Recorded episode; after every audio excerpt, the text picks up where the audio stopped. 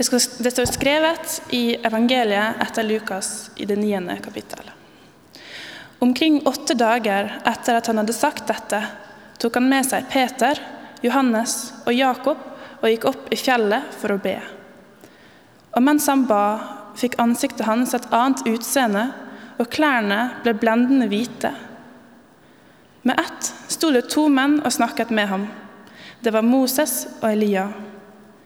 De viste seg i herlighet og talte om den utgangen livet han skulle få, og det han skulle fullføre i Jerusalem. Peter og de andre hadde falt i dyp søvn. Nå våknet de og fikk se hans herlighet og de to mennene som sto sammen med ham. Da mennene skulle til å forlate ham, sa Peter til Jesus.: Mester, det er godt at vi er her. La oss bygge tre hytter, en til deg, en til Moses og en til Elia. Han visste ikke selv hva han sa. Mens han talte, kom det en sky og skygget over dem, og da de kom inn i skyen, ble de grepet av frykt. Det lød en røst fra skyen. Dette er min sønn, den utvalgte. Hør ham. Og da røsten lød, var det ingen annen å se, bare Jesus. Disiplene tidde med dette. På den tiden fortalte de ikke til noen hva de hadde sett. Slik lyder det hellige evangelium. For tre uker siden så var jeg i Lofoten og besøkte en kompis. Eh, han har flytta opp dit. Han bor vanligvis i Oslo, men eh, nå har han flytta opp dit, skal bo i Lofoten i ett år. Og Så måtte jeg spørre han da, det var første gang jeg besøkte han der oppe, og spurte hvordan oppleves det egentlig å flytte så langt bort fra alle venner og kjente og være liksom plutselig en helt annen plass. Og da sa han at Det er litt som å være oppå en topp, på et fjell. på en måte. At uh, Man lever store deler av livet litt sånn i daler hvor man, liksom, man ser ikke så langt foran seg. Og det skjer ting hele tida. Det er litt sånn snap, snap, snap. Men det å flytte vekk og komme seg vekk på den måten, det er litt som å komme seg opp. Du får plutselig en større oversikt. Liksom, det er tid til at tankene kan tenkes ut, at du kan føle. For at du kan liksom, reflektere litt over hvor du er. Henger dere med på det bildet? Gir det mening? Det gir mening for meg. Um, jeg tror vi alle har godt av litt de der plassene av og til. De der fjellene hvor vi kan trekke oss litt tilbake. Hvor vi kan ha et sted hvor liksom tankene kan strømme litt på, og det er tid til å reflektere og få litt perspektiv på livet. Jeg tror kanskje De stedene kan være litt forskjellige ting. Det finnes forskjellige måter å finne de stedene. Noen eh, flytter kanskje til Lofoten et år. Noen drar til ETC i påsken. Noen tar seg noen dager i koronaisolasjon. Noen drar kanskje på gudstjeneste og finner det stedet der. Jeg vet ikke, hva, hva, er liksom ditt sted? Har du et sånt sted hvor du kan trekke deg tilbake? La tankene strømme på? For meg så er eh, fjellet Ulrikken det er blitt et fristed for meg. Når jeg går opp der, så kan jeg bare la ting komme. Og jeg kan gå opp, og så er det som ting klarner litt. Og jeg kan se utover byen, som ikke ser så overveldende ut når jeg ser den sånn ovenfra. Eh, jeg var på Ulrikken i starten av uka for å få litt sånn oversikt og nyte utsikten. Eh, Bergen. Flott. Eh, men poenget mitt er at selv med liksom den utsikten der, da, så, så, var det litt sånn, det klarna litt noen ting for meg. Jeg får litt oversikt bare av å være der. Og Jesus var god på å gjøre akkurat dette, på å trekke seg tilbake finne de der fjella. Han gjør det mange ganger i evangelien. trekke seg tilbake. Nå må vi trekke oss unna litt og bare be. Og Det er det som starter dagens tekst. At Jesus tar med seg tre av disiplene, og så går de opp på et fjell for å be. Og Der får disiplene virkelig perspektiv på sitt liv. Og De får det idet det blir åpenbart hvem det er de går sammen med. Jesus sin guddommelighet blir i denne teksten understreka med alle mulige virkemidler. Det er rett og slett sånn at okay, det, er, det, er mange ting som skjer her. Og alle tingene tyder på at Jesus er den evige Gud. Har, for det første så er de på et fjell. Det fins en tradisjon for det i Gamle testamentet at uh, Gud viser seg gjerne til folk på fjell. Bl.a. Moses på Sinai-fjellet. Og ansiktet hans forandres. Det er som om liksom, det åndelige, mektige som er inni han, bare skinner gjennom det menneskelige ytre. Jesus får blendende hvite klær. Plutselig. Og så dukker det opp to profeter, som er de to profetene som har sett Guds ansikt. På en måte i Det gamle testamentet. Og De gjør på en måte et mirakuløst comeback plutselig, og så står de der og profeterer om Jesus. Det kommer en sky og legger seg rundt fjellet.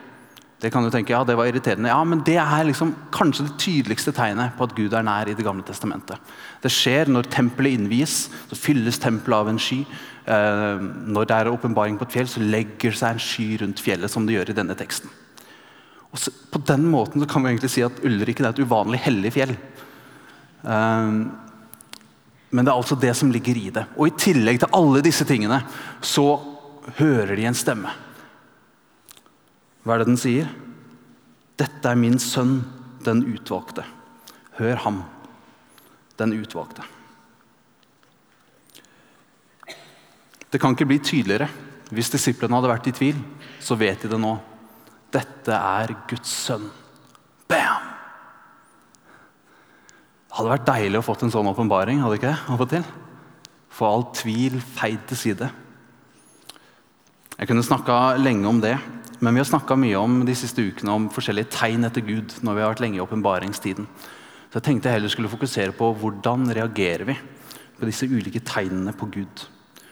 Fordi Det som gjør denne teksten mektig, men samtidig litt sånn komisk, det er disippelen Peter. Så midt i denne her vanvittige åpenbaringa så står Peter der og bare liksom, du bare ser alle ting skje på en gang. Og sky ikke sant? og blendende klær og bam, bam, bam. Stemme.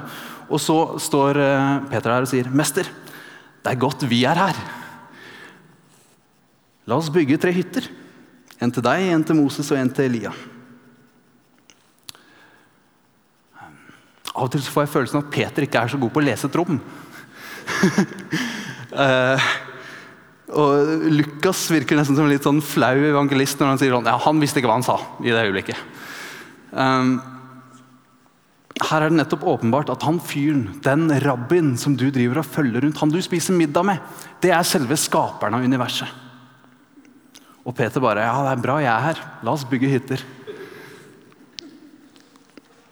Og Det er for så vidt sant at det er bra de er der. ikke sant? Jeg skal komme tilbake til det. Men dette med å bygge hytter um, jeg skjønner, Det er sikkert godt ment fra Petters side. Han er vant til en gud som bor i et bygg ikke sant? og tenker ok, han, han, vil sikkert bare hjelpe. Men det er et eller annet med dette her som for meg så blir det et eksempel på hvor ofte mennesker klarer å gjøre Guds åpenbaring til å handle om seg selv. Hvor uh, egosentriske vi er. Vi putter jeget i sentrum. Kanskje er det fordi Guds storhet bare blir for mye å takle. Eller kanskje Peter bare er akkurat dette egosentrisk og lurer på ja, men hva betyr det for meg. Det er verdt å stoppe opp ved, for jeg tror vi gjør det samme selv. Guds åpenbaring blir liksom mest interessant når vi dreier det over på det spennende spørsmålet Men hva betyr det for meg?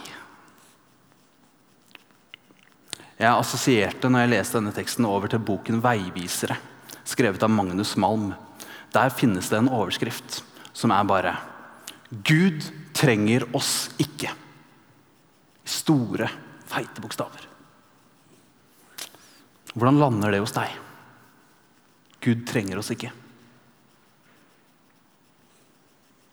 Jeg måtte rett og slett, jeg fant ikke min gamle versjon, så jeg måtte gå på butikken og bare kjøpe boka. Hvorfor skrev han det? Eh, så jeg, jeg kjøpte boka, og jeg tenkte jeg skulle lese litt for dere nå. Er dere, er dere med på det? Oh yeah. oh yeah, Strålende. Ok, Gud trenger oss ikke. Før vi går inn på hva dette betyr, så la oss et øyeblikk granske våre reaksjoner på denne påstanden. De sier nemlig en hel del om det som har skjedd i den vestlige verden og i kristenheten de siste 200 årene. Gjennom hele kirkens historie før den tid var denne påstanden en selvsagt del av den kristne tro. Den vakte menneskers respekt og tilbedelse. I dag vekker den samme påstanden nesten alltid protester blant kristne mennesker. Reaksjonen er en blanding av sinne og såret stolthet. Man kjenner seg krenket og nedvurdert. Omtrent som når man får høre fra et fellesskap man tidligere har tilhørt, at man ikke lenger er ønsket. Vi setter altså likhetstegn mellom 'trenger ikke' og 'bryr seg ikke om'. For meg så er det tankevekkende. Jeg vet ikke hvordan dette lander hos dere, men jeg syns Magnus Malm skriver på en fantastisk måte. Og det treffer meg. For jeg er sånn som blir utrolig opptatt av hva jeg skal gjøre. Som Peter så vil jeg også at Gud skal trenge meg. Og Det gjør det kanskje liksom lettere å forholde seg til Gud um, hvis han trenger meg. Det gjør det i hvert fall lettere å forstå at Gud skulle bry seg om meg hvis jeg kan vise til noen prestasjoner eller noen roller som han trenger meg til å fylle. Jeg kan til og med forsvare min egen eh, signifikans, min egen viktighet, med å sitere bibelvers. Hæ? Ikke, skriver, står det ikke at vi er Jesu kropp? ikke sant? Han hender og føtter. Gud trenger jo meg. Ja, men som vi sang helt i starten av denne gudstjenesten Gud er Gud om alle land lå øde. Gud er Gud om alle mann var døde. Det Jesus den allmektige viste på fjellet for de disiplene, var at han er hellig. Han er utvalgt. Men det, hellig betyr også noe mer. Det betyr hel. Altså Det finnes ikke noe en eneste av oss kan gjøre for å gjøre Gud noe mer episk, noe mer hellig, noe mer hel enn det han allerede er. Om du går på gudstjeneste for å gjøre Gud en tjeneste, eller hvis du tror på Gud fordi du tenker at Gud trenger noen forsvarere i et sånt sekularisert samfunn, så kan du eh, like godt droppe det. Gud trenger ikke oss for å forsvare seg. Gud klarer seg. Velkommen opp på fjellet, alle sammen.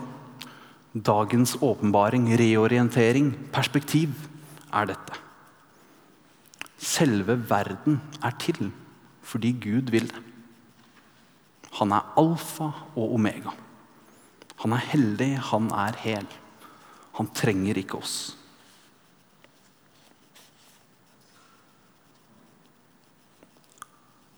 Men så sier evangeliet at Gud elsker oss. For ham er hver enkelt av oss umistelige. Før vi i det hele tatt har løfta en finger. Tro det om du klarer.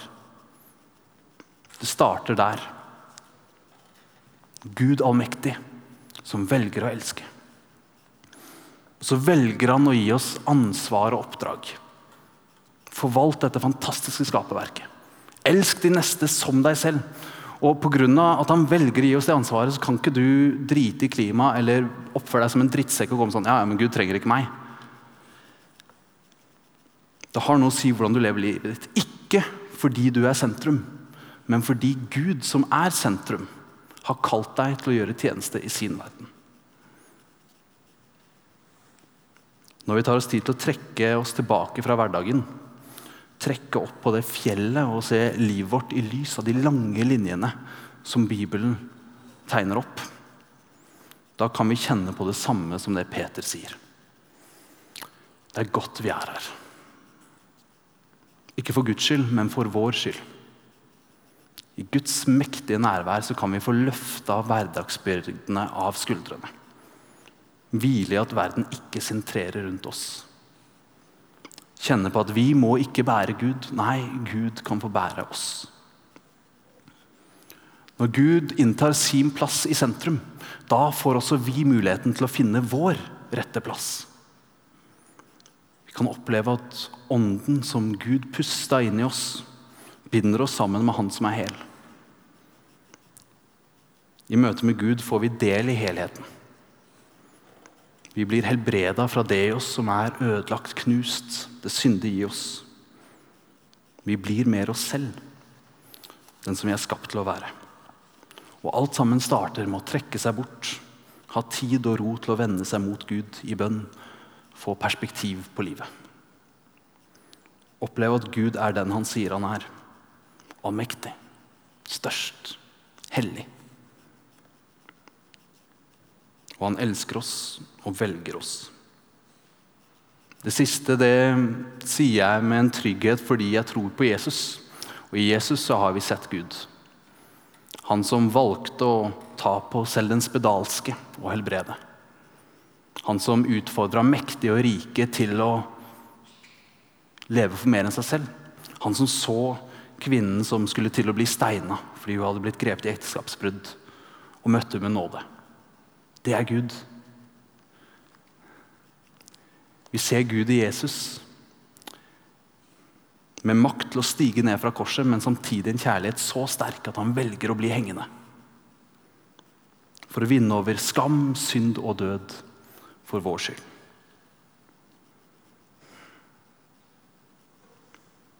Folkens, det er godt vi er her.